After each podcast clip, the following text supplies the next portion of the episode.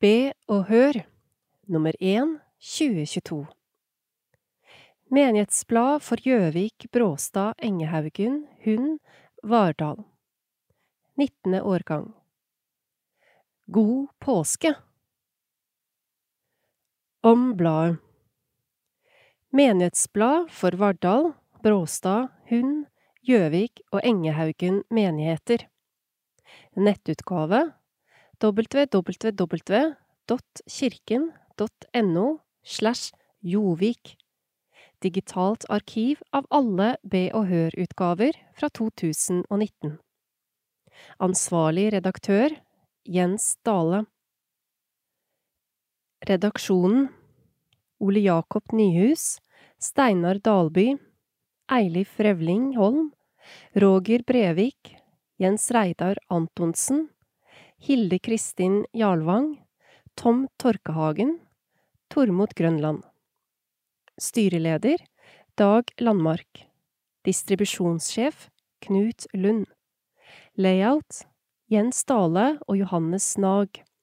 Trykk Grafisk Byrå AS Distribusjon Frivillige. Opplag 12 500 eksemplarer. Fire utgivelser i året Giro 2050029362 Deadline 2022 Utgivelsesdato i parentes 9. i 5. parentes tredvte i femte Femtende i 8. parentes 5. i 9. og fjortende i ellevte parentes 5.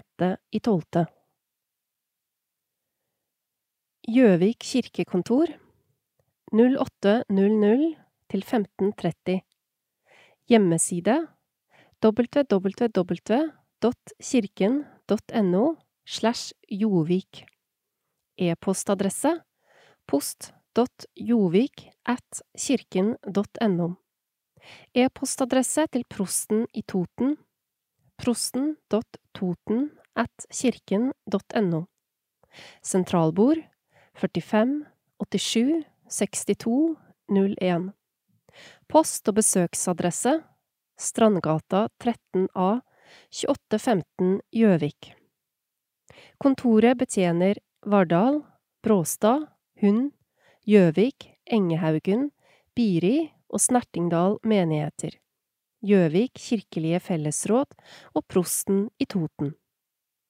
Gjøvik krematorium, kirketjenere, 45 87 62 28 Diakonihuset Gjøvik i Engehaugen kirke, Gjennomfare 2 Trosopplæringen Hjemmeside www.kirkenmin.no Adresse Ynglingen, Svolders gate 2, 2821 Gjøvik Gjøvik kirkelige fellesråd. Leder i fellesrådet Dag Landmark 41 47 59 00 Kirkeverget Line Langseth Bakkum lb772 at kirken.no Telefon 90 79 71 88 Sentralbord Karianne Fangan Økonomikonsulent Rådgiver Arnhild Kløverud Saksbehandlere Engehaugen Hege Breang Gjøvik Line Langseth Bakkum Hund Geir Skau Vardal og Bråstad Hilde Bakkenge Prostens saksbehandler Gro Skinstad.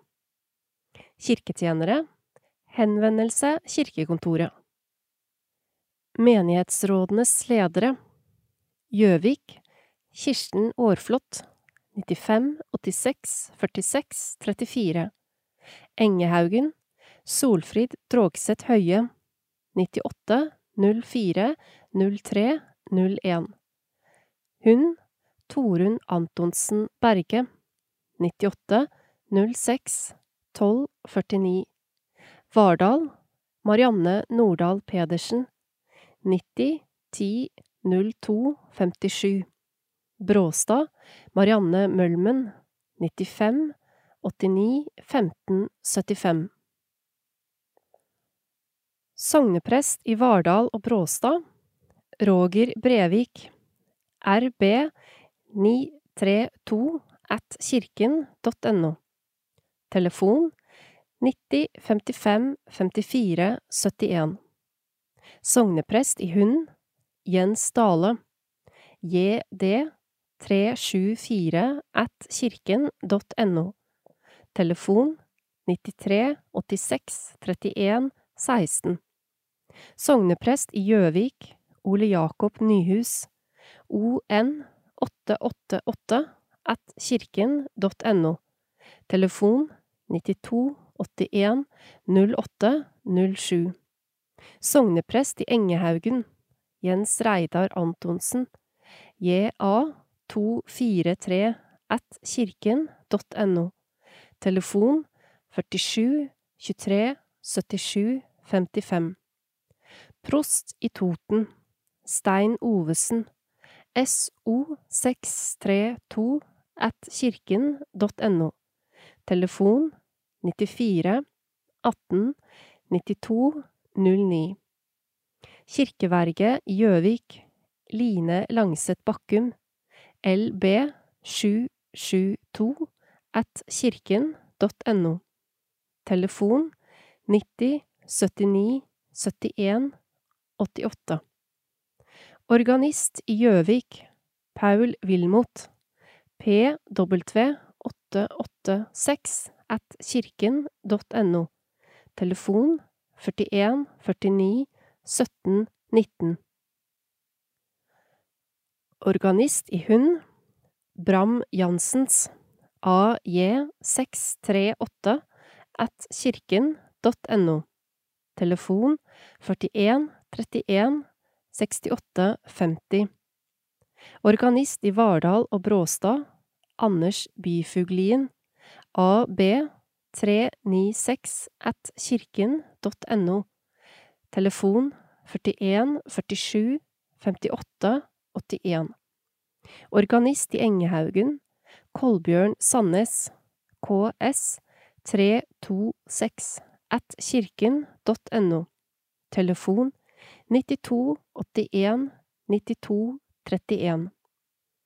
Diakonmedarbeider, organist i Engehaugen, Christian Sporild, CS 928 at kirken.no. Telefon 97 66 28 24. Diakon Hilde Kristin Jarlvang, HJ793 at kirken.no. Telefon 91 69 63 38. Diakon Kari Karsrud Korslien, KK 896 at kirken.no. Telefon 92 29 72 69. Leder for trosopplæringen Karsten Torp, KT 693 at kirken.no. Telefon 95 06 58 12. Trosopplærer Eilif Revling Holm, EH 779 at kirken.no. Telefon 94 97 37 14. Trosopplærer Kateket Hilde Engevold, HE 839 at kirken.no. Telefon 41 57 14 92. Redaktørens hjørne Når kirken blir et instrument for makten. Det er en absurd løgn når Russlands utenriksminister Lavrov i første runde av fredsforhandlingene påstår at vi har ikke angrepet Ukraina. Det er tragisk at ledelsen i den russisk-ortodokse kirke med patriark Kiril i spissen støtter Putins krigføring og hyller han som en kristendomsforsvarer. Når kirken blir et redskap for makthaverne, går det lett galt. Eksempler finnes også i vår egen kirkes historie. Kritisk selvransakelse må gjerne ta utgangspunkt i Jesu ord. Mitt rike er ikke av denne verden. Jens Det ufattelige Påskeandakt av Kirsten Aarflot Han lever, og jeg skal få bringe hans venner det salige bud. Tenk jeg, som er ringest blant ringe, den minste han kjenner på jord. Tenk, jeg skal hans hilsen frembære, og kunne jeg synge det ut. Mer kunne ei engler begjære enn gå med så salig et bud. Jeg forsto aldri hvor unikt det var. Kvinner i disippelflokken, den som rommet fler enn de tolv. Først senere forsto jeg hvor modig det var, ikke bare å regne med kvinnene, men å la Maria bære videre det ufattelige. Jesus var ikke i graven, han var stått opp. Kvinners vitnemål gjaldt ikke i retten. Når evangeliene formidler hvordan nettopp kvinner ble de første vitnene til oppstandelsen, er det for meg et bevis for at det er sant, hvor ufattelig og modig det var. Påskens begivenheter, så ufattelige, oppdrag fullført, tilgjengelig for oss alle. En soloppgang i Jotunheimen kan få tankene til å vandre mot påskemorgen som slukker sorgen. Sankt Sofia i Kyiv er nesten tusen år. I denne spalten presenterer vi gjerne en kirke nær deg, men utenfor vårt distrikt. I solidaritet med trossøsken i Ukraina tar vi turen til katedralen Sankt Sofia, Guds visdom, i Kyiv. Den ble påbegynt i 1037 av Jaroslav den vise, og oppkalt etter sin enda mer imponerende søsterkirke i Istanbul. Men i motsetning til Sankt Sofia i Tyrkia, som Erdogan har omgjort til moské, er Kyiv-katedralen et kristent gudshus. Her er 13 forgylte kupler og et interiør med fresker og mosaikker som er nesten 1000 år gamle. Det er rart å tenke på at nordiske vikinger beundret de samme kunstverk som gjøvikensere fra Ny Start i øst som har frekventert Ukraina de siste 25 år. De fleste troende i Ukraina er medlemmer av den ortodokse kirke. Den er igjen delt i tre, hvorav én står under Moskva-patriarket, den andre under Kyiv-patriarket, og den tredje er selvstendig. Etter Sovjetunionens fall ble religionsfrihet innført i 1990, og flere frikirker har vokst. Tekst Jens Dale Påsken En kamp om lys og mørke Vi ser det utspille seg i Europa nå, når tanks ruller inn i byene. En kamp om sannhet og løgn, liv og død, lys og mørke. Mørke krefter finnes, ingen tvil, men kan de håpe på at lyset seirer? Jakken Nyhus, sogneprest i Gjøvik kirke. I sin kraftfulle tale til EU-parlamentet 1. mars sa president Zelenskyj Vis at dere står sammen med oss. Vis at dere ikke vil svikte oss, og da vil livet vinne over døden, og lyset vil vinne over mørket. Zelenskyjs ord beskriver også påskens drama. Bibelen sier det sånn, lyset skinner i mørket, og mørket har ikke overvunnet det. Derfor gjentar Bibelen, frykt ikke. Da det så ut som at alt håp var ute og siste lys var slukket, kom påskemorgen, badet i lys. Påsken gir oss et begrunnet håp om at det gode vil seire. La oss se på det som skjedde disse dramatiske dagene. Palmesøndagen rir Jesus inn i Jerusalem, rett inn i maktens høyborg. Tusener svinger med palmegreiner og hyller Jesus som konge. Men Jesus er annerledes. Han er en fattig konge og rir på et esel. Han innfrir ikke deres forventninger. Han går ikke med sverd mot Herodes, den romerske okkupanten. Hadde han gjort det, hadde Jesus vært glemt for lengst. Jesus kom ikke for å kjempe på den ytre front, men på den indre. Han kom ikke for å vinne byer, men hjerter. Krig eller fred avgjøres av hva som bor i folks hjerter, og løgnen er krigens djupeste grunn. Fake news. Skjærtorsdagen er den siste kvelden Jesus er sammen med disiplene. De skal spise et festmåltid sammen. Jesus inviterer. Så fint! Men Jesus sjokkerer. Når de kommer, bøyer Jesus seg ned og begynner å vaske føttene deres. Peter vil stoppe Jesus med denne ydmykende vaskinga som bare ikke-jødiske slaver ble satt til. Men Jesus sier, Når jeg, som er Herren og Mesteren, har vasket deres føtter, da skylder også dere å vaske hverandres føtter. Jeg har gitt dere et forbilde. Slik jeg har gjort mot dere, skal også dere gjøre. Etter fotvaskinga tar Jesus et brød, bryter det, deler det ut og sier, Ta imot og spis. Dette er min kropp. Så tar han et beger med vin og sier, Drikk alle av det, for dette er mitt blod som blir utøst for mange, så syndene blir tilgitt. Dette er kirkas første nattverd, og disse to tinga, fotvasking og deling av brød og vin, er Jesu nye håndfaste tegn på Guds kjærlighet gjestfrihet og tilgivelse. Langfredagen snører det seg til. Både den politiske og religiøse eliten fant det tryggest å få ryddet Jesus av veien. Titusener fulgte nå Jesus, og hva kunne ikke dette lede til? Nå var muligheten her. Jesus arresteres og føres til øverstepresten. Under forhøret svarer Jesus bekreftende på at han er Messias, Guds sønn.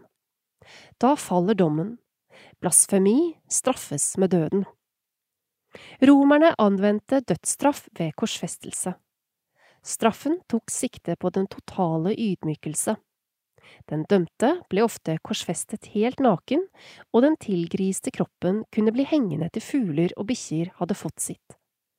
Men før Jesus dør, ber han for sine bødler. Far, tilgi dem, for de vet ikke hva de gjør. Det innerste i Gud viser seg når Jesus elsker til det siste og gir sitt liv for mennesker som ikke forstår det. Påskedagen forandrer alt. Når dagen demrer, kommer Maria Magdalena og noen andre kvinner til Jesu grav og ser at den store steinen foran gravåpninga er rullet til side. De er overbevist om at noen må ha stjålet liket, inntil de opplever det som beskrives som et sjokk, ja, som en skakende og rystende opplevelse. De møter igjen Jesus. Han lever. Han har stått opp. Noen har lansert teorien om at oppstandelsen skulle være et slags produkt av disiplenes tro, noe de innbilte seg for å trøste seg. Men teorien faller. Disiplene var fullstendig knust etter korsfestelsen, lammet og livredde for å bli henretta, de òg. Så hvordan forklare det uomtvistelige stemningsskiftet som skjedde etter oppstandelsen, hvis det ikke var noen oppstandelse? Disiplene led martyrdøden for sin tro på oppstandelsen. Kunne de vie resten av livet sitt til å forkynne oppstandelsen med et sånt mot og en sånn originalitet hvis de innerst inne visste at dette var en bløff. Det var vitterlig ikke den rå våpenmakta som vant. De som vil gjøre ende på Jesus, er bare blitt statister i denne fortellinga. Oppstandelsen bekrefter det vi håper er sant. Håpet er ikke bare ønsketenkning, vi har et velbegrunnet håp. Til slutt skal sannheten seire, livet vinne, lyset aldri slukke for Gud er livets Gud. God påske og velkommen til kirke. Den skjøre forvissning om at det verste aldri skjer. Tekst Stein Ovesen Prost i Toten prosti Jesus samlet disiplene sine og gikk ut i den mørke natten. Han lot de fleste være igjen, og førte med seg Johannes, Jakob og Peter videre inn i den mørke hagen som het Getsemane. Han ville be. Før han gikk videre inn i hagen, ba han de tre om å våke og be med ham. Selv gikk han innerst i hagen, knelte og ba sin far om å slippe lidelsen som lå foran ham. Men viktigst var at han ba om at Guds vilje måtte skje. Tre ganger gikk han tilbake til sine tre nærmeste venner, og alle gangene var de sovnet. Til sist lot han dem sove. De klarte ikke å forstå hva som lå foran. De så mesterens alvor, men kunne ikke fatte konsekvensene av hans ord om at han skulle lide og dø. Slik er det vel med oss mennesker. Jeg hadde jo lest, jeg hadde jo hørt, om at Russland ville angripe Ukraina, men så langt kunne det vel ikke gå. De mente nok bare å skremme, vise muskler, og når det var gjort, trekke seg tilbake. Så satte de i gang en invasjonskrig som bare utviklet seg i brutalitet og lidelser. Fra å glede seg over vårtegn og gode dager ble millioner av mennesker utsatt for sine verste mareritt. Flyktninger på vei mot sikkerheten, mens deres menn og fedre er igjen for å møte overmakten. La oss tro det er også tusener av russiske unge menn som knapt vet hvor de er, og kjenner angsten og forferdelsen i det inferno de og deres ledere forårsaker. Og vi lar oss berøre. Vi engasjerer oss, og likevel kjenner vi avstand. Vi ser krigen, men klarer ikke å forestille oss at den kan bli mer enn lokal. Vi tror ikke på våpenmakt mot oss eller andre land, i alle fall ikke i Vest-Europa. Og vi får håpe vi får rett. Men Europa er i krig, og nå er det mennesker som oss, bosatt i Ukraina, som bærer sorgen, lidelsene og ødeleggelsene. Ondskapen er levende, og så lenge vi mennesker er her på denne kloden, vil mennesker ty til maktovergrep og påføre andre lidelse og død, for å oppnå et eller annet som jeg ikke skjønner hva er. Vi er kalt til å bære fred fra Gud ut i verden. Som kirke er vi bærere av den Kristus som gjennom sin lidelse og død ble ett med oss. Han bøyde seg ned til oss og gikk inn i vårt sted. Vi må være våkne. Vi må kjenne på smerten over kirken i Russland, støtter nasjonens ledere. Vi må ikke unngå å se lidelsen til et rammet folk. Vi må stå opp, vi må be, og vi må gi støtte og hjelp. Jesus beseiret døden og var livets frigiver. Vi har i et håp om at kjærlighet og frihet igjen må seire i vår tid. Vi må stå samlet, og jeg ber om at evangeliets budskap om felles tro må skape samhold og fasthet. Om vi ser hvor skjør vår trygghet i dette livet er, kan vi vende oss til Ham som lider med og kaller til liv i sannhet og kjærlighet. Må du, livets Gud, forbarme deg over oss fortvilte mennesker. Forbarm deg over det ukrainske folk, og se i nåde til dem som er ansvarlige for krigens pinsler. Konfirmantene kommer. I løpet av vinter og vår har ca 200 konfirmanter blitt presentert i kirkene i Gjøvik. Det har vært undervisning i de lokale kirkene. Fredag 1. april samles alle til kickoff i Hund kirke. Det er et fargerikt show med skikkelig trøkk der konfirmantledere står for band og undervisning. Christian Sandmark har produsert artige filmer som gir en god introduksjon til konfirmantåret. Sogneprest Jakken Nyhus presenterer en del av årets konfirmanter i Gjøvik kirke 20. februar.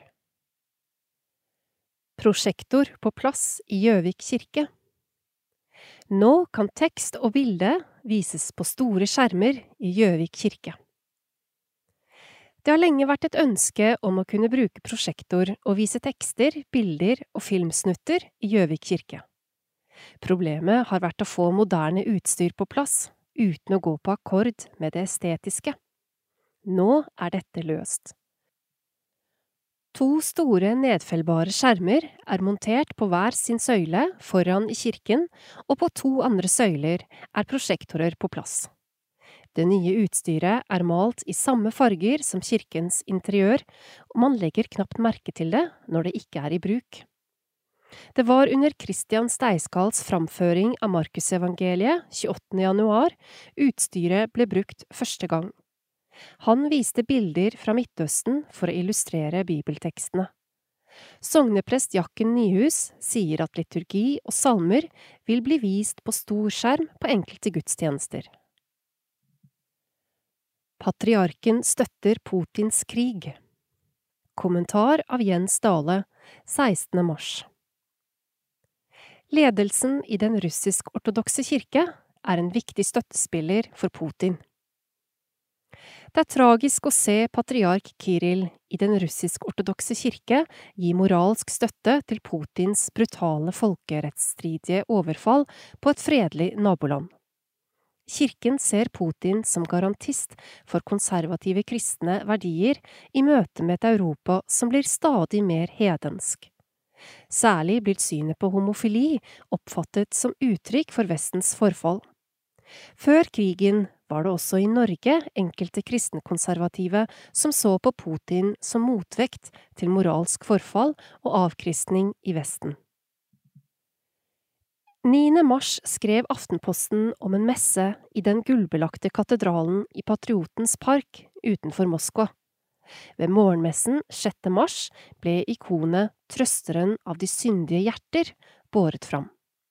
Ikonet blødde myrra i skarlagenrøde dråper. En video av dette spres på russiske sosiale medier. Det påståtte miraklet legitimerer krigen som et hellig oppdrag. Underforstått har Putin Gud på sin side og falne soldater martyrstatus. Det påståtte miraklet brukes i propagandaen og kan ikke ses på som annet enn en pervitering av religionen.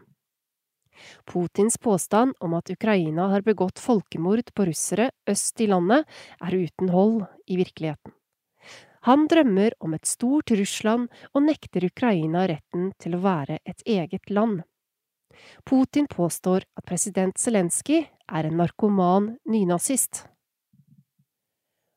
Påstanden er en spesiell ondskapsfull løgn mot en demokratisk valgt president fra en jødisk familie der de fleste forfedre ble drept nettopp av nazistene.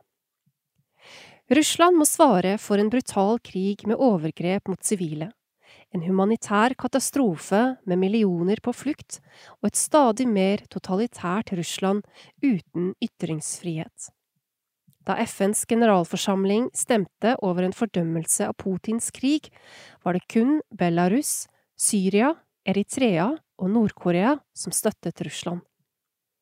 Tilliten til vår nabo i øst har fått en alvorlig knekk. Det er trist å se at ledelsen i den russisk-ortodokse kirke legitimerer Putins krig i Ukraina. De trodde de var invitert i barnedåp, da Sondre var døpt, sa presten at nå skal Felix Mendelssohn og Bram Janssens tas videre. Det var søndag 13. februar Sondre Bjerke Glestad ble døpt under gudstjenesten i Hund kirke. Brødrene Edvard, fire, og Håvard, to, fikk være med ved døpefonten, og eldstemann fikk tørke lillebrors hode. Men det familie og venner ikke ante noen ting om, var at Sondres foreldre Elisabeth Bjerke Råstad og Erik Glestad også hadde tenkt å gifte seg den dagen. Mens konfirmant Guro Fuglem Paulsen spilte cello, snek Elisabeth seg ut og skiftet fra bunad til brudekjole. Idet organisten begynte på bryllupsmarsjen, reiste Erik seg og gikk bak i kirka der bruden ventet. Til alles overraskelse var dåpsforeldrene blitt til brudepar. Til stor applaus kom brudeparet fram til alteret. De trodde de var invitert i barnedåp, forteller Elisabeth. Men våre foreldre ble svært rørt da de skjønte at vi skulle gifte oss samtidig. Presten Jens Dale malte og talte fortellingen om den rause og tålmodige såmannen, Han brukte det som et forbilde på godvilje i samliv og Guds kjærlighet som aldri gir opp noen av oss. Så kom den høytidelige inngåelsen av ekteskapet der brud og brudgom lovte å elske og ære hverandre og bli trofast hos hverandre i gode og onde dager inntil døden skiller dere. Elisabeth jobber på Vitensenteret, og Erik er lege i Forsvaret. Han har kontor på Sessvollmoen og jobber for tiden med en doktorgrad. Brudeparet bor tett oppunder bergstoppen og har blant annet stor glede av friluftsliv med hundespann. Elisabeth Bjerke Råstad og Erik Glestad kom med sine hunder til Hund kirke søndag 13. februar. De har barna Edvard, fire, Håvard, to, og Sondre, som ble døpt i samme gudstjeneste som foreldrene til alles overraskelse inngikk ekteskap. Bønn gir trygghet. Tekst Jens Dale Kan du be for meg?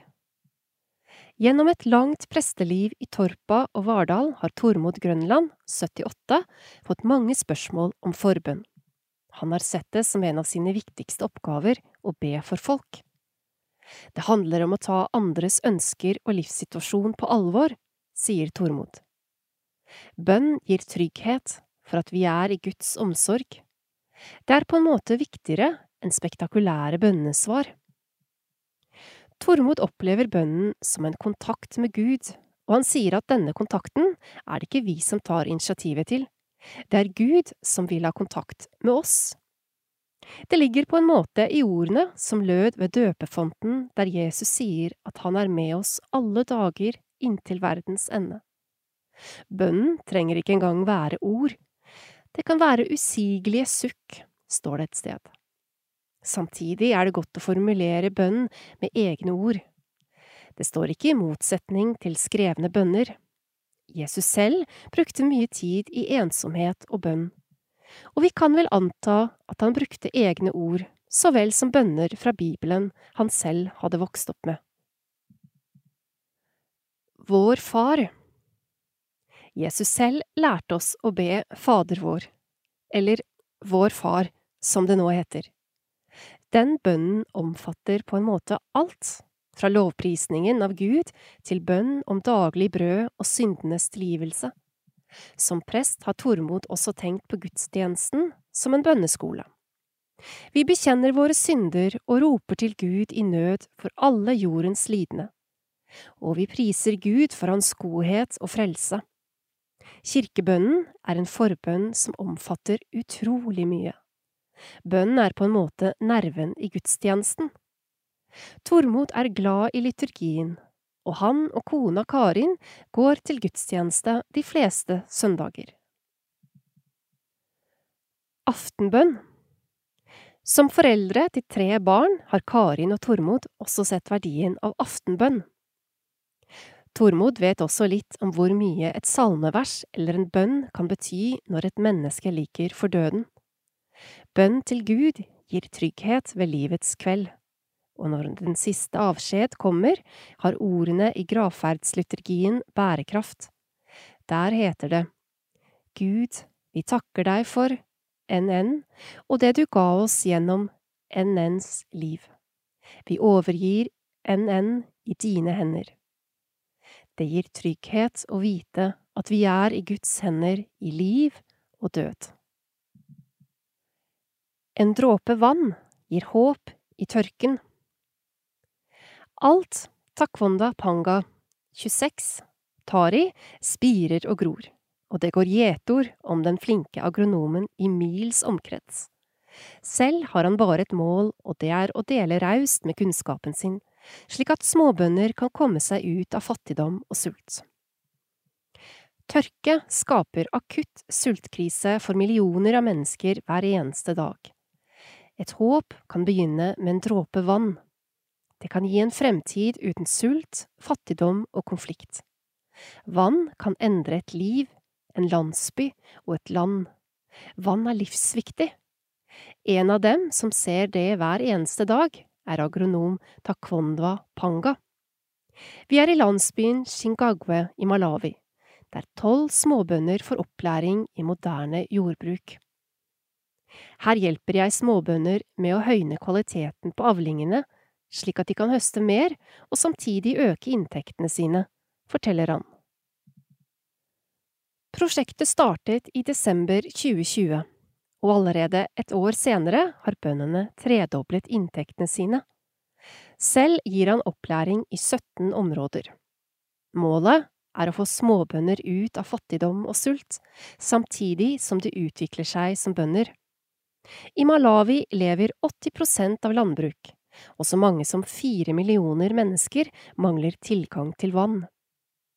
De tolv bøndene vi møter i dag, har investert i et sett med kvalitetsfrø, et vanningssystem og gjødsel. I tillegg lærer de seg gode metoder for å utvikle jordbruket sitt. Jobben min er perfekt for meg, Min lidenskap er å hjelpe bønder til å utvikle seg slik at de kan få bedre resultater. Gjennom jobben min kan jeg være med på å gjøre en forskjell. Det tradisjonelle jordbruket skaper stort press på både jorda og vannressursene. De moderne jordbruksmetodene, som gir større og sikrere avlinger på mindre areal og bruker mindre vann, er utilgjengelige for småbønder i verdens fattigste land. Både irrigasjonsutstyr, frø og kunstgjødsel selges kun i store kvanta. Bøndene mangler utdanning, og de færreste har råd til å investere. Bønder som benytter seg av moderne jordbruksteknologi, slipper å hente vann i brønner og elver. I stedet fyller de en bøtte med vann som er koblet til to slanger. Slangene har små hull, slik at vannet pipler ut og gir en jevn vanning av grønnsakene. Bøndene kjøper seg en startpakke som består av kvalitetsfrø, et irrigasjonssett og gjødsel. Et slikt sett koster rundt 100 kroner. Før måtte de hente vann flere ganger om dagen, slik at plantene fikk nok vann. Takket være irrigasjonssystemet får plantene vannet de trenger. Ofte kan det være trangt om plassen i landsbyer og hager. Derfor er også plassutnyttelse et viktig tema Panga lærer bort. I stedet for å plante en rad med tomater, bruker de samme plassen til å dyrke to rader. I tillegg får bøndene en innføring i hvilke grønnsaker som egner seg best å dyrke, og hvordan de best bør oppbevares, slik at de kan øke inntektene sine. Bøndene som er med i prosjektet, har tjent nok til å kjøpe seg en hønsegård, skoleuniformer eller sende barna på skole. De har også nok mat til hele familien. I tillegg kan vi se at de kjøper mer land, og dermed utvider jordbruksarealet sitt, forklarer han. Målet mitt er å få andre til å se hvordan de selv kan endre sine liv. Som nyutdannet håper jeg at jeg skulle få oppfylt min drøm om å jobbe i Kirkens Nødhjelp. Nå gjør jeg det, og det gjør meg glad og takknemlig. Tekst Anette Torjussen Konfirmantene deltar i fasteaksjonen. Konfirmantene deltar i Kirkens Nødhjelps innsamlingsaksjon, men nå er det slutt på å gå fra dør til dør og banke på. Innsamlingen skjer digitalt, og gavebeløpene øker. I fjor samlet Gjøvik-konfirmantene inn en kvart million kroner. Alle kirkene i Gjøvik bidrar under fasteaksjonen 2022. Innsamlingen skjer digitalt, og aksjonsdagen er tirsdag 5. april. Det opprettes en spleis for hver enkelts menighet, menighetens innsamlingsbøsse, der alle kan bidra både med å gi penger og dele informasjon om aksjonen på sosiale medier. Vi legger ut informasjon både på Facebook, Instagram og hjemmesiden til Kirken i Gjøvik. Konfirmantene lager seg en lang liste med navn på folk de vil spørre om å bidra. Tirsdag 5. april ringer de rundt til sine kontakter. Dermed når vi mange med budskapet, selv om vi ikke lenger går fra dør til dør. Kirken min lager en direktesending fra Hund kirke, hvor trosopplærerne, luppjere, konfirmanter og diakoner bidrar. Alle kan følge med på denne. Underveis i sendingen blir det forskjellige innslag, og vi holder dere oppdatert på hvor mye hver enkelt menighet har samlet inn. Konfirmantene deltar i fasteaksjonen til inntekt for Kirkens Nødhjelp. De har byttet ut bøsser og dør-til-dør-innsamling med mobiltelefon og VIPS. Fra Venstre Milla Erlimo Aasgaard, Amalie Torstensen Eng, Tord Lund Ingvaldsen, Tage Lund Ingvaldsen. Foto Jakken Nyhus. Bønn om fred i Ukraina. Hele 21 kvelder i fastetiden er det åpen kirke i Gjøvik mellom klokka 21 og 22. Kirken har dempet belysning og en atmosfære som inviterer til bønn og meditasjon. Mange har søkt til kirken også i år, tent lys og opplevd at det kan være godt å være stille sammen. Siste halvdel av kvelden er det musikk, andakt og bønn. I år har en av de bønnene alle ber, felles hatt fred i Ukraina som tema. Rotter og mus i kirka Kirkerottene Vesle og Fredo spredte mye latter og moro i benkene da de besøkte flere av kirkene i Gjøvik midt i mars. Sammen med Lea Mus og Kari Prest ga de små og store en spennende forestilling. Velse briljerte også i rollen som sau i bibelfortellingen om sauen som ble borte men ble funnet igjen. Kompisene Matheo Andersson og Emrik Kleven Solberg syntes kirkerottene var litt skumle, men mest morsomme. Konsert for Ukraina Tirsdag 5. april spiller organist Paul Wilmot en halvtimes orgelkonsert som del av Åpen kirke i Gjøvik kirke. Det blir musikk utelukkende av Johan Sebastian Bach. Konserten begynner klokka 21 og har gratis adgang. Fra 21.30 skal Avigail Onsrud ta over en andakt, refleksjon. Etterpå blir det kollekt ved utgangen for å samle penger til Ukraina gjennom Røde Kors sin innsats. Fyrverkerikonsert 15. mai I anledning nasjonaldagen har Vest-Oppland Kammerkor konsert i Gjøvik kirke 15. mai klokken 19.00. Her blir det mye nasjonalromantisk stoff, men også spennende innslag med mer moderne vri. Marit Tøndel Botsberg Weide dirigerer, og konserten gis også i Raufoss kirke på 17. mai. Langfredagskonsert i Gjøvik kirke Langfredag 15. april klokken 19.00 fremføres Pergolesis Stabat Mater i Gjøvik kirke. Medvirkende er alt Marit Tøndel Botsberg Weide, sopran Liv Astrid Dahl, tekstleser Olemic Thommessen, organist Paul Wilmot og en strykeensemble. Pergolesis Stabat Mater, Dolorosa, som skildrer Marias lidelser under korsfestelsen og sønnen Jesus Kristus. Det er gratis adgang med kollekt ved utgang. Stor konsert i Gjøvik kirke 1. mai. Oratoriekoret Skola Sankti Petri fremfører musikk fra de siste 300 år. Det er Bach, Dvorak og Britten som står på programmet i Gjøvik kirke 1. mai klokken 18.00. Skåla Sankti Petri er et prosjektkor med base på Hadeland. Koret har holdt det gående 24 år og rekrutterer sangere fra Lillehammer i nord til Oslo i sør. Koret ble startet av Trond Kverno og er kjent for å framføre store klassiske musikkverk. I en årrekke var Terje Kvam dirigent. Nåværende dirigent er kirkemusiker og mangeårig kantor i Sofienmyr kirke, Bernt Norseth, som kanskje mange kjenner fra hans oppvekst på Gjøvik på 60-tallet. Med seg på konserten har koret tidligere kantor i Gjøvik kirke, Vidar Fredheim, på orgel, musikere fra Barokkanerne og solistene Gunda Marie Brus, Astrid Sandvann Dalen, Olle Holmgren og Paul Kirby. Barokkanerne er det første selvstendige profesjonelle barokkorkester på originalinstrumenter i Skandinavia, og er kjent for innspillinger og konserter i inn- og utland. Billetter kjøpes ved inngangen. Den norske studentersangforening i Hund kirke 28. mai klokken 13.00. Mannskoret ved Universitetet i Oslo ble stiftet i 1845 og er Norges eldste kor.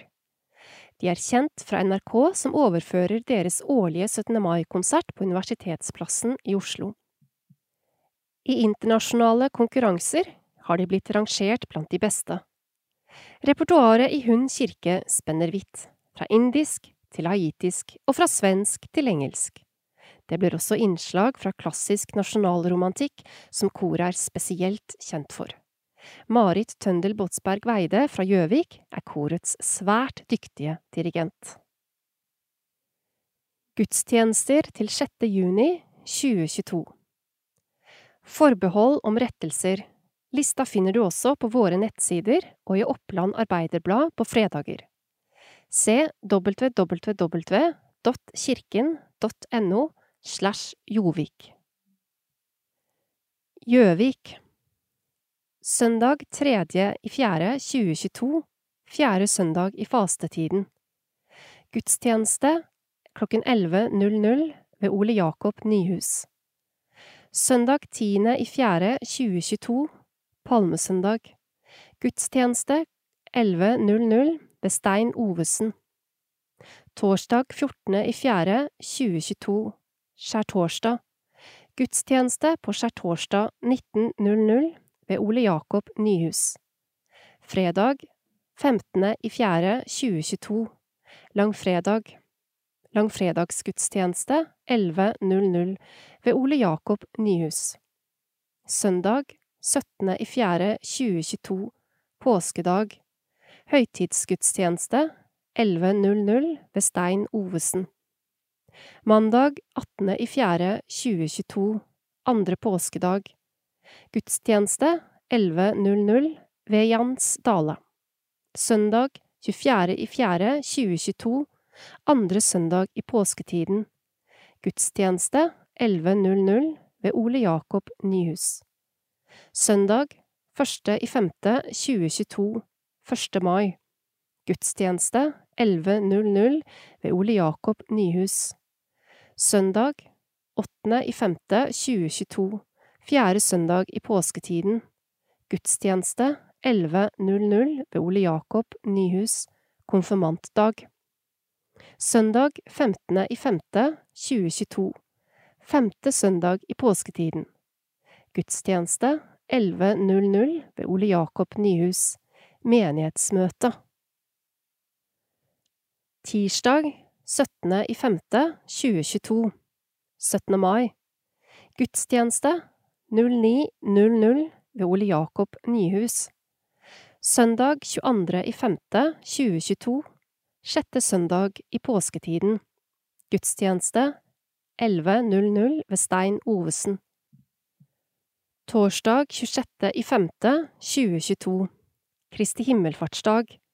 Pilegrimsvandring fra Gjøvik kirke klokken 09.00 til Bråstad kirke. Gudstjeneste i Bråstad klokken 13.00. Søndag 29.5.2022, søndag før pinse. Gudstjeneste 11.00 ved Stein Ovesen. Søndag 5.6., pinsedag. Høytidsgudstjeneste 11.00 ved Ole Jakob Nyhus. Engehaugen Søndag 3.4.2022, fjerde søndag i fastetiden. Gudstjeneste 11.00 ved Jens Reidar Antonsen. Søndag 10.4.2022, palmesøndag. Gudstjeneste 11.00 ved Jens Reidar Antonsen.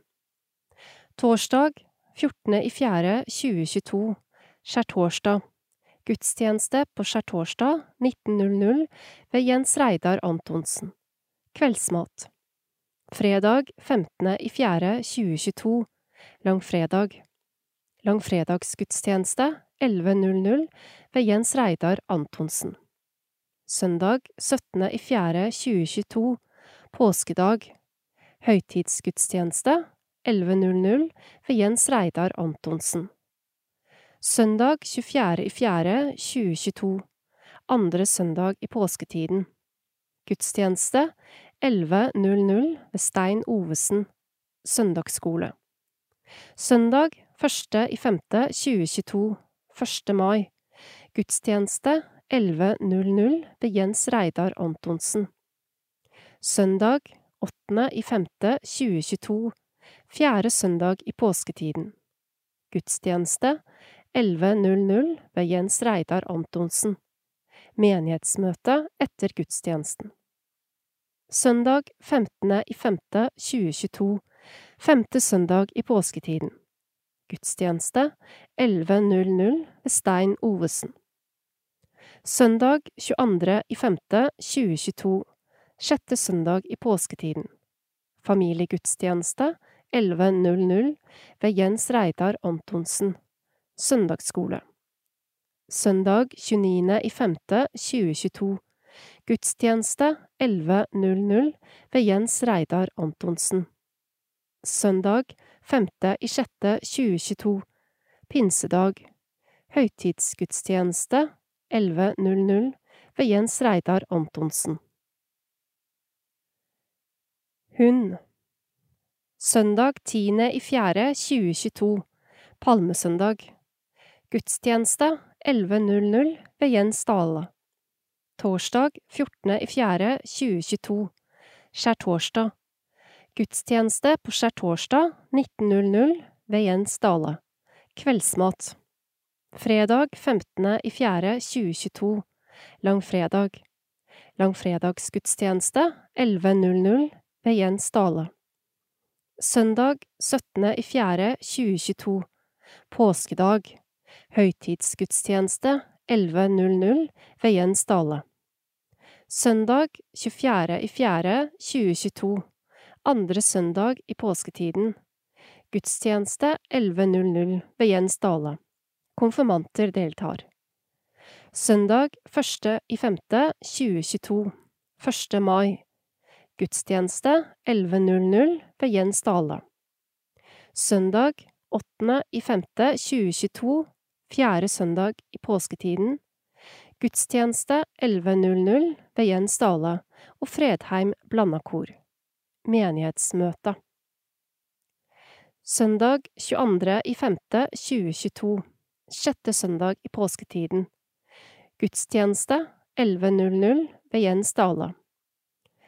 Søndag 29.5.2022, søndag før pinse. Gudstjeneste 11.00 ved Jens Dale. Mandag 6.6.2022, andre pinsedag. Eiktunet 11.00 ved Dale og Fredheim skolekorps. Marmor og hund barnegospel.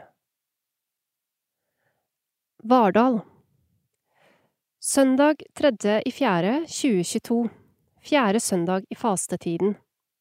Gudstjeneste 19.00 ved Roger Brevik. Solidaritetsgudstjeneste med konfirmanter. Søndag 10.4.2022, palmesøndag. Vi synger påsken inn 18.00 ved Roger Brevik og Vardal Gospelkor. Fredag 15.4.2022, langfredag. Langfredagsgudstjeneste 11.00 ved Roger Brevik. Søndag 17.04.2022 påskedag. Høytidsgudstjeneste 11.00 ved Roger Brevik. Mandag 18.04.2022 andre påskedag. NB Skansen bedehus. Gudstjeneste 11.00 ved Roger Brevik. Søndag 8.5.2022, fjerde søndag i påsketiden.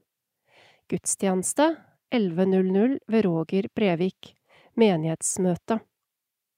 Tirsdag 17.5.2022, 17. mai. Familiegudstjeneste 09.45 ved Jens Arne Dale.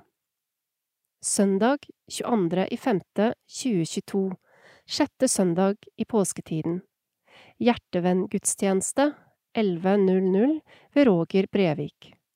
Søndag 5.6., pinsedag. Høytidsgudstjeneste 13.00 ved Roger Brevik.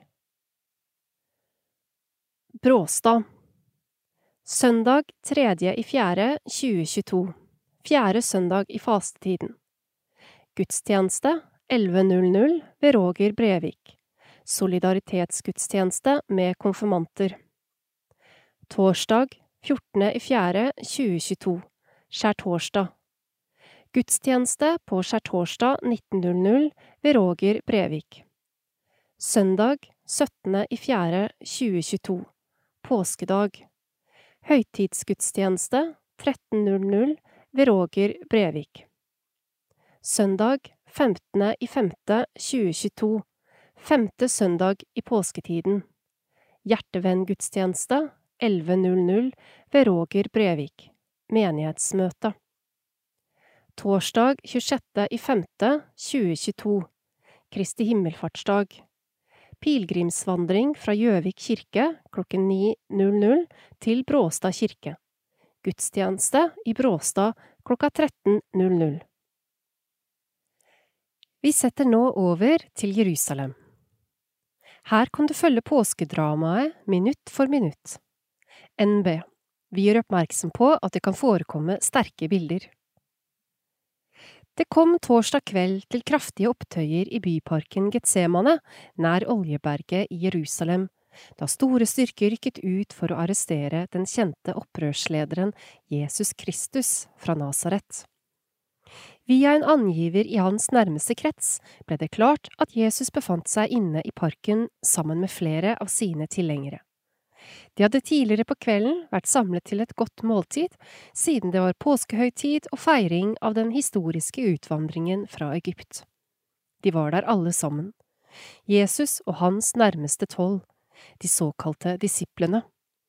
Det hadde, ifølge velinformerte kilder, vært tendenser til en uro under måltidet, men ingenting tydet på at noe så dramatisk som en arrestasjon var nært forestående. Kort tid etter at Jesus og hans nærmeste hadde gått inn i parken, rykket flere soldater, bevæpnet med sverd og stokker, inn i hagen og pågrep Jesus. En av hans aller nærmeste venner gikk til et voldsomt motangrep, men Jesus selv fikk stoppet det hele og overga seg uten motstand. Da roet situasjonen seg raskt. Vi har snakket med flere som var til stede, men ingen ville stå fram offentlig av frykt for å lide samme skjebne. Parodisk rettssak Etter pågripelsen blir Jesus, som også blir benevnt med mange andre navn og titler, bakbundet og som vi ser, ført inn til selve sentrum av byen og til det vi må karakterisere som en skandale av en rettssak. De fleste av dem som var sammen med Jesus den kvelden, valgte å stikke av, men Peter, selve lederen av vennegjengen, fulgte etter på trygg avstand. På veien inn til byen fikk vår reporter en kort prat med Jesus, der han gir uttrykk for sin forundring over den dramatiske tildragelsen. Jeg har jo vært her i området lenge, sa han, og vandret rundt omkring her, undervist og møtt folk, så hvorfor denne voldsomme dramatikken nå? Mye tydet likevel på at han nok var klar over at dette kom til å skje, og at det har noe med tidligere historie å gjøre. Det virket som det lå mye mer bak disse uttalelsene. Vi setter over til deg, reporter Daniel. Du var jo selv til stede under rettssaken, og hva kan du si om den? Takk for det, og la meg først si at jeg aldri har sett et slik oppbud av pressefolk. Det var journalister her fra alle deler av verden og fra alle typer medier. Det har gått rykter en tid om at noe kunne komme til å skje inn mot påsketiden her i Jerusalem, og det er altså rykter som nå viser seg å være sanne. Men tilbake til rettssaken. Den ble ført for det såkalte Høye råd, som består av øverstepresten, Kaifas, resten av overprestene, de eldste og de såkalte skriftlærde. Og det ble en selsom affære, nærmest parodisk. Det manglet totalt bevis i det de anklaget denne opprøreren for. De forsøkte seg på ulike måter, men det var ingen sammenheng i det som ble framført, og flere av dem som hadde ordet, ble faktisk tatt i løgn og selvmotsigelser.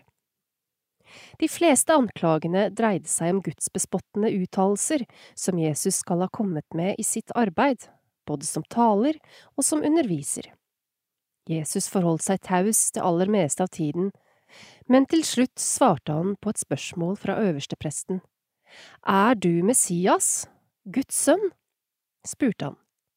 Jesus svarte da på en slik måte at Kaifas ble rasende, flerret av seg kappa og avlyste rettssaken. Hva skal vi med flere vitneutsagn? Dere hører det selv. Og etter en kort rådslaging dømte de han rett og slett til døden. Dette førte til kraftige reaksjoner i salen, og som dere kan se av bildene, gikk noen regelrett til angrep på Jesus, spyttet på han og slo, og noen av vaktene brukte pisk. Senere gikk turen til Pontius Pilatus, så til Herodes og tilbake til Pilatus. Det er foreløpig litt uklart hvem det er som har avsagt den endelige dødsdommen over Jesus. Peter den feige Det oppsto mer dramatikk rett utenfor rettssalen her. Peter, som altså var sammen med Jesus, befant seg rett ute i forgården her. Han satt delvis forkledd, men en kvinne dro kjensel på han og avslørte han. Og som dere kan se og høre av filmen her, Peter blir meget sint. Han både banner og sverger på at han verken veit noe eller kjenner noe til mannen som er tatt til fange, som nå også er torturert, og har fått en flettet krone av torner tredd ned på hodet slik at han blør kraftig. Det hele forstyrres av kraftige hanegal, og som vi ser, når de to møter hverandres blikk, blir det for sterkt for Peter. Han formelig knekker sammen der ved bålet og bryter ut i gråt og drar. Dette skjer. Vi må nå gå videre i sendingen, og vi setter over til deg, reporter David, som akkurat nå befinner deg utenfor hos Pontius Pilatus. Hva skjer hos deg nå? Her skjer det mye rart. Pilatus er tydelig villredde, og tør vel egentlig ikke ta noen avgjørelse. Han har nok en tanke om at Jesus ikke har gjort noe galt, men har for mange andre hensyn å ta. Ikke minst sin egen plass og posisjon, så han bokstavelig talt toer sine hender og overlater det til folket å velge. De kan få velge mellom Jesus og Barabas. Vi kan allerede nå love dere en spennende debatt fra vårt studio i Jerusalem, der vi møter både Kaifas, Herodes og Pilatus. Vi håper også å kunne få med Barabas, mannen som har sittet dømt for mord, men som i dag, helt overraskende, ble sluppet fri etter folkemengdens anbefaling. Etter det vi erfarer, og som samsvarer med rykter og undersøkelser i skriftlige kilder, vil Jesus bli henrettet ved korsfesting i løpet av kort tid. Stedet det skal skje på, kalles for Golgata, et lite høydedrag ikke langt herfra. Vi har allerede etablert oss med et lite studio der oppe, og vil sende direkte derfra så fort det skjer noe. Og skal vi fortsatt tro på det som er sagt tidligere her i området, kan det faktisk skje at vi i løpet av noen få dager kan overføre på direkten en oppstandelse fra de døde. Vi kan selvsagt ikke love det, men foreløpig ubekreftede meldinger tyder på det, og det er mange som tror det det vil også i løpet av disse dagene bli en internasjonal pressekonferanse, der vi håper at mor til Jesus, Maria, vil delta. Hun er naturligvis veldig preget av situasjonen som har oppstått. Det jobbes også for å få tak i andre som har nært kjennskap til Jesus. Det jobbes med å få med en toller som heter Sakkeus, en venn av Jesus som heter Lasarus, en kvinne ved navn Maria Magdalena, en skriftlærd som heter Nikodemus, men også andre som har blitt kjent med Jesus i løpet av de siste tre årene. Slik kan en kanskje tenke seg at i Bibelens påskehistorie ville blitt dekket i dagens medieverden. Et stort antall reportere, fotografer, eksperter og kommentatorer ville fylt både sendeflatene og dagene med nyheter og stoff, fra time til time og fra minutt til minutt. Vi ville fått alle sider og vinkler dekket, aktuelle gjester fra alle faggrupper ville blitt intervjuet, det ville blitt gravd i kilder og tidligere historier. Men så var det bare fire reportere der. Matteus, Markus, Lukas og Johannes. Og de har samlet og skrevet ned både sine egne tanker og opplevelser, og forsøkt å få med det aller viktigste av det som skjedde disse dramatiske dagene. De har gitt oss en mulighet til å lære å forstå, og til ikke å glemme. De har samlet det vi trenger å vite for å tro. Vil du lese mer om dette, kan du gå inn på våre nettsider bibelen.no. Tekst Tom Torkehagen Bli med på påskevandring til Bråstad. Kristi himmelfartsdag samler menighetene i Gjøvik kirke kommune seg om en felles kirkedag i Bråstad kirke. Vi ser fram til å være sammen denne dagen, sier initiativtaker Jakken Nyhus. Kristi himmelfartsdag har ofte vært en litt dårlig besøkt kirkedag, og ikke den festdagen den bør være. I år går vi for en felles feiring. Vi starter fra Gjøvik kirke og følger pilegrimsleden sammen til Bråstad kirke. Underveis gir hun menighet drikke, og framme ved Bråstad kirke får vi servert suppe før vi går inn til gudstjenesten med kirkekaffe utafor kirka etterpå. De som synes dette blir for langt å gå, kan slutte seg til langs sleden underveis, eller selvsagt bare komme rett til gudstjenesten.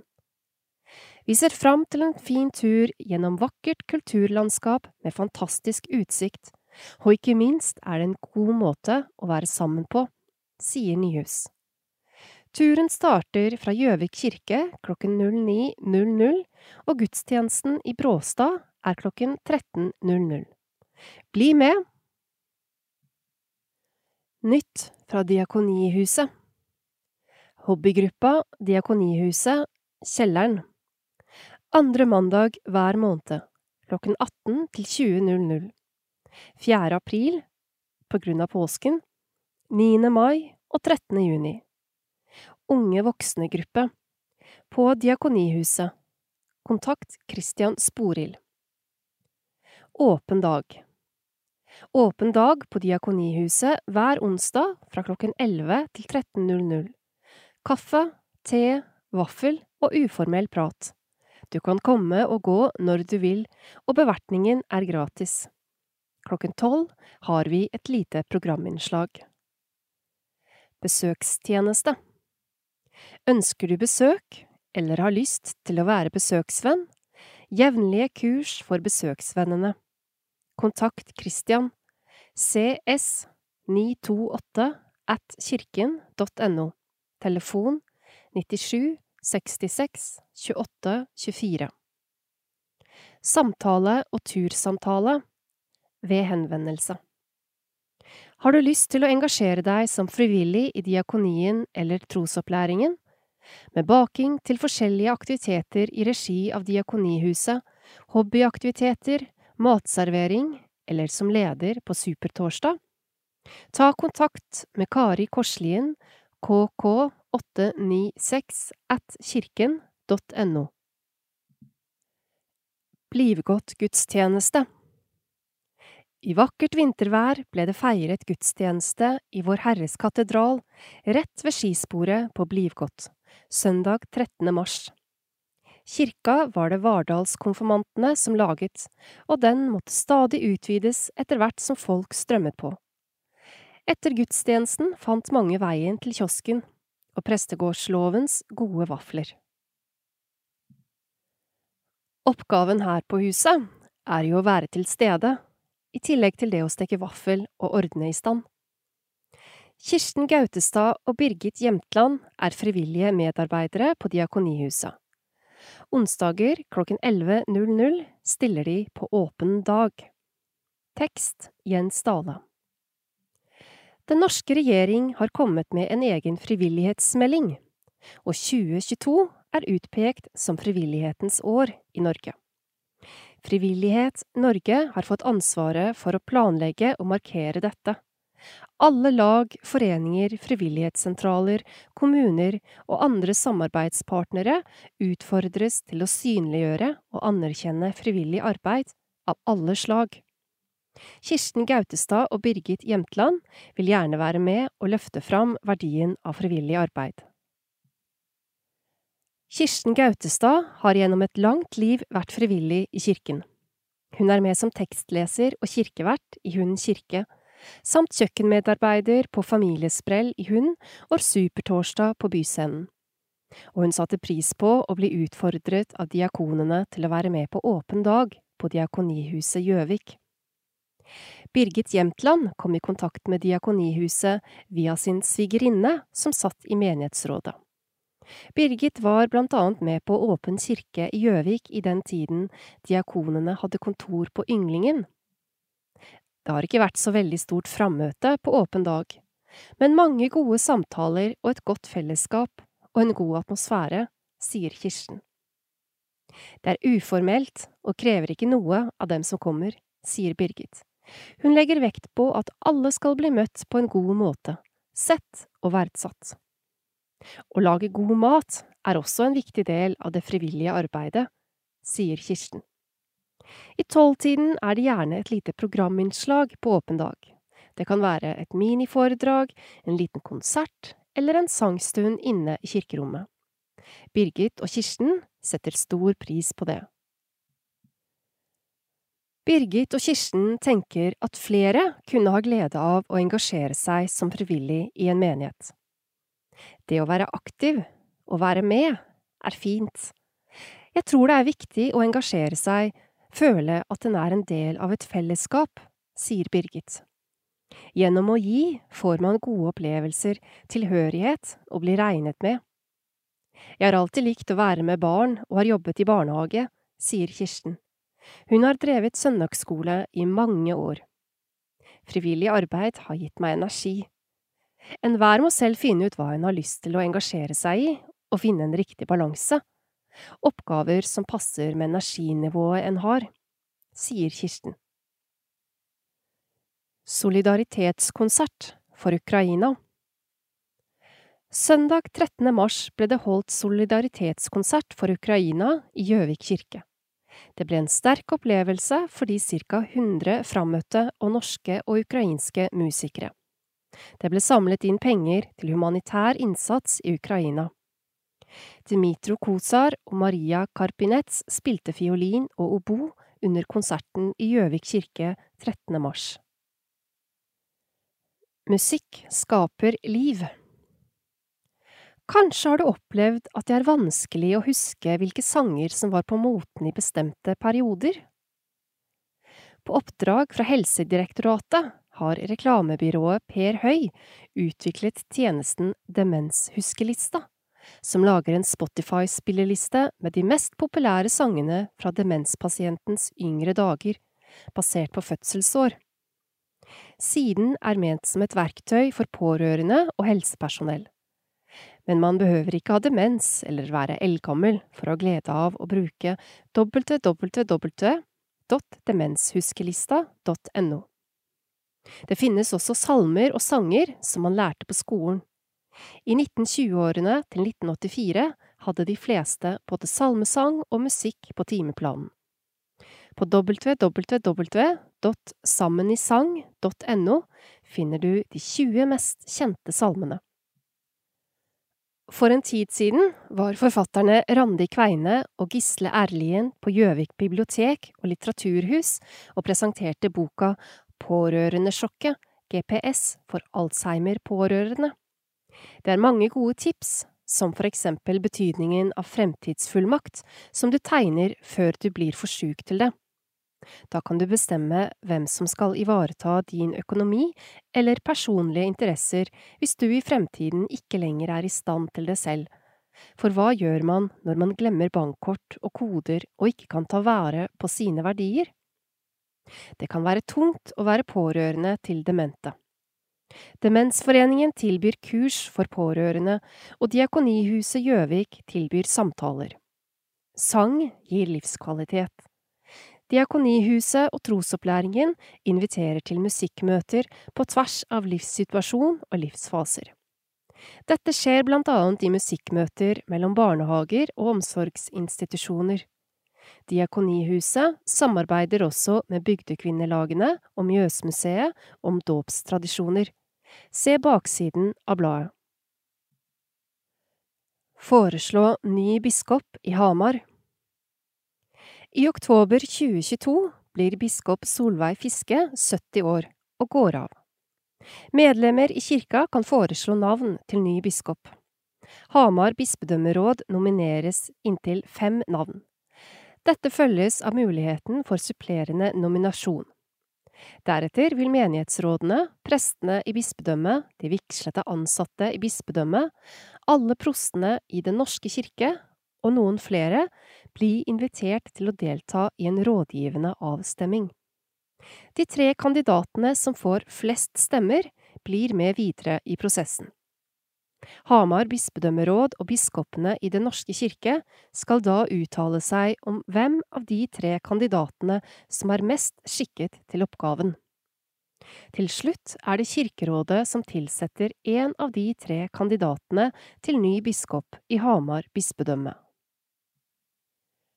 Formiddagstreff klokken 11.00 Bråstad kirke 25. april Hund kirke 26. april og 24. mai, Engehaugen kirke 22. april.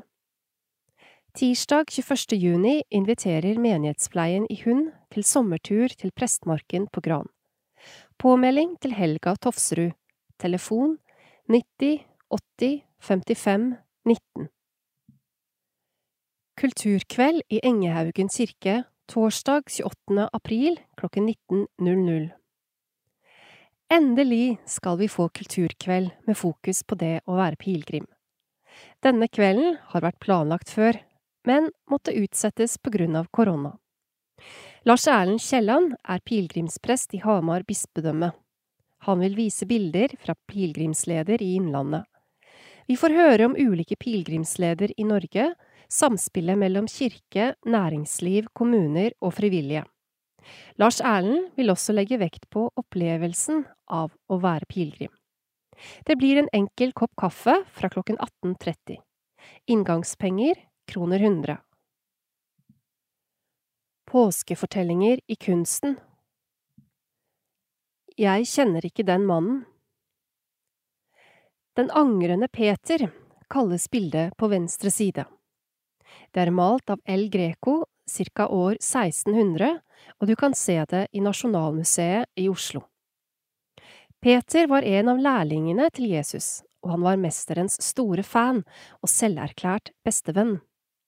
Jeg kommer aldri til å gå fra deg, sa han skråsikkert, den gangen da Jesus forberedte vennene på hva som skulle skje.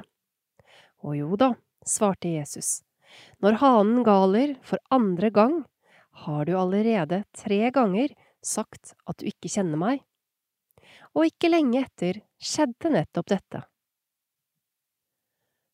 Da Jesus var tatt til fange, ventet Peter i borggården utenfor. Han var sikkert både vettskremt og ute av stand til å forstå hva som skjedde. Hvorfor i all verden hadde de arrestert Jesus? Han var da ingen kriminell. Og hvordan hadde du eller jeg reagert hvis det var en av oss som sto der og varmet hendene på bålet da en kvinne utbrøt Jeg kjenner deg igjen! Du var en av dem som pleide å henge sammen med han Jesus fra Nasaret. Hva hadde vi sagt? Peter nektet. Ja, ikke bare nektet han, men både bannet og sverget på at han aldri hadde sett den mannen før. Tre ganger gjorde han det, og så gol hanen. Han gikk ut og gråt bittert. Han må ha følt seg elendig, som verdens usleste skapning. Og det er dette El Greco har malt. Peter som angrer, som så gjerne skulle ha skrudd tiden tilbake, sagt noe helt annet. Har vi ikke alle vært akkurat der? Ønsket vi kunne ha tatt ordene tilbake, handlet eller sagt annerledes? Peters fortvilelse, sorgen i blikket hans, er noe vi kan forstå, vi synes synd på ham. Men se bakerst i bildet, hva er det som foregår der? Det er et frampek om det som skal skje noen timer senere. Maria Magdalena med salvekrukken. den tomme graven, håpet om et nytt liv, en ny dag, en ny sjanse for oss alle. Møte ved den tomme graven Bildet på denne siden er malt av Giotto, ca 1305. Det er ett av de mange veggmaleriene i Skrovegni-kapellet i Padua, Italia. Giotto skiller seg ut fra middelalderens ofte flate og kunstige uttrykk. Ja, han er hundre år forut for sin tid, i måten han maler mennesker, og ikke minst følelser. Her ser vi henne, Maria Magdalena, som på påskemorgen var kommet for å salve den døde kroppen til Jesus, slik skikken var. Giotto har malt det øyeblikket da hun ser at det virkelig er Jesus som står foran henne. Jesus som ikke lenger er død, men levende. Hun faller på kne, det er for utrolig til å fatte, men hun kjenner ham jo, det er han. Gå straks og fortell de andre, sa han, og jeg ser henne for meg, ikke gående, men løpende mot huset der de andre hadde gjemt seg og den intense sorgen var forvandlet til glede og håp. Min salme Jeg tror på jordens forvandling Jeg tror på jordens forvandling, en gang, en tid, et sted. En fremtid hvor Guds himmel til jorden senkes ned. En evighet av glede da alt det vakre her blir løftet i Guds klarhet og stråler bedre der. Jeg flykter ikke fra verden, den jord som en gang falt, er båret av de hender som skal fornye alt. Jeg vet at Jesus lever, jeg tror at Herren Krist, når alle håp er ute, skal stige frem til sist. Jeg tror på jordens forvandling. En tid, et sted, en gang skal alle ting bli nye, og alt blir fylt med sang. Ja, jorden skal fornyes, og gode ting skal skje. Bak døden venter Jesus. Den som vil tro, skal se. Jeg flykter ikke fra verden. Blant jordens minste små, der finner jeg en fremtid som jeg vil vente på. Ja, jorden skal forvandles, dens natt går alt mot gry. Jeg tror at Jesus Kristus skal gjøre verden ny. Norsk salmebok 2013 inneholder mange salmeskatter skrevet igjennom mange år og i vekslende tider. Mitt valg blir en salme skrevet i vår tid av Eivind Skeie og tonesatt av Sigvald Tveit. Nykommeren har fått plass i Salmeboka 2013 som siste salme på nummer 899. For meg bærer denne salmen i seg noen av de viktigste grunnstenene i vår tid – håpet, løftene, troen og vissheten. På Allehelgenssøndag i Vardal kirke ble denne salmen sunget av Hilde Kristin Jarvang med Anders Byfuglien på piano. Gleden over salmens budskap og den vakre fremførelsen ga tårer i øyekroken og en klump i halsen. Tusen takk til dere to. Les den, og syng den du også. Kanskje den gir deg styrke, mot og frimodighet til å møte den tiden som ligger foran oss. Beste hilsener Jan Arne Frydenlund. Utfordringen sendes videre til Randulf Søberg. Slekters gang. Vardal. Døpte Mathilde Gulden Strømsodd Døde Aud Hasli Christian Smesrud Holte Agnete Linnerud Mathias Ragnar Svendsen Harald Hageengen Helene Marie Hagen Tom Tormodsen Anne Katrine Øveråsen Gjøvik. Døpte. Anton Offenberg. Asta Lauvli Gulbrandsen. Tiril Krokkov Jordbru. Matheo Myrvang Lundby. Olav Fredlund Elvesveen. Victoria Granum Kvikstad. Døde. Inga Reidun Jørgensen.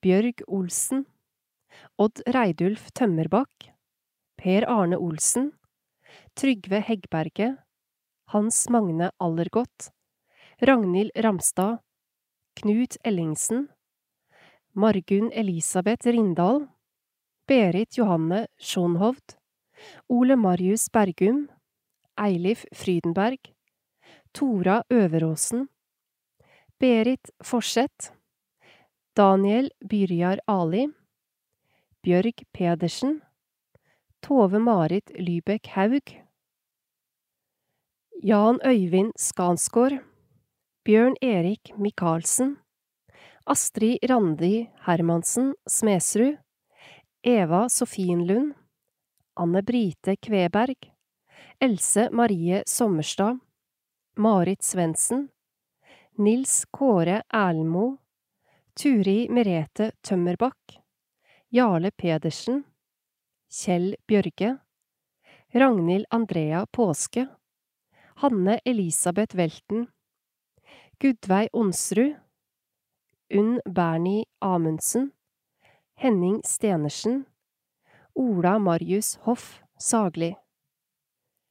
Engehaugen Døpte Ola Sandli Bekkelien Jonathan Røby Døpt i lyskapellet Beitostølen Døde Odd Vegard Haugen Ulf Nilsen Else Vasenden Eirik Asplin Anne Karin Pedersveen Brattsveen Bjørn Statsvold Bjørn Trokstad, Alfhild Lybekk.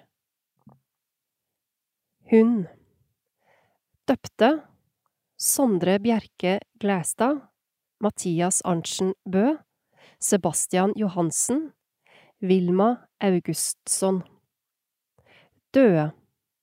Ayla Sofie Nordhagen Jakubovic Frank Robert Prøven Åse Torkehagen Trond Tansem Mai Elin Skumlien Lilly Helene Stenersen Paul Røer Sissel Meldal Hans Jonny Antonsen Laila Haugum Toril Bergum Britt Sveinhaug Anne Berit Lindahl Jostad Eva Gunvor Hasle Magnus Vesterås Rolf Nordland Jon Perry Eliassen Turi Kjellaug Buskum Arne Seberg Ragnar Christian Almås Rune Fritz Nikolaisen Elfrida Rossing Aslaug Fossum. Bråstad Døpte Karsten Bjørkheim Borge. Døpt i Skåbu kirke. Døde Jorunn Tveit Lars Sæter Bygdekvelder. Utstilling av dåpstekstiler, lokale dåpstradisjoner og sang. Etterlysning Vi er på jakt etter dåpskjoler, luer og andre dåpstekstiler fra ulike tidsepoker.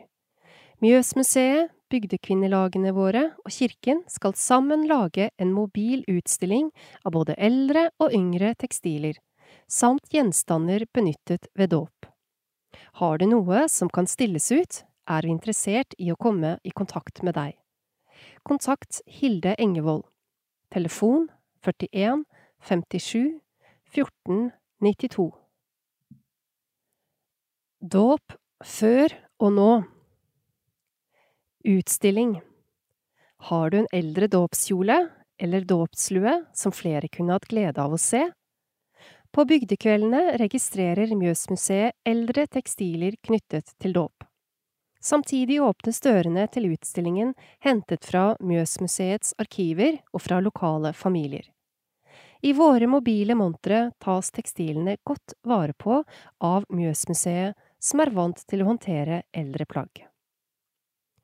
Allsang Sang er med oss gjennom hele livet, og de fleste av oss synger for barna våre. Sang og musikk påvirker oss, gjør oss trøtte, nedstemt, virker beroligende eller glad.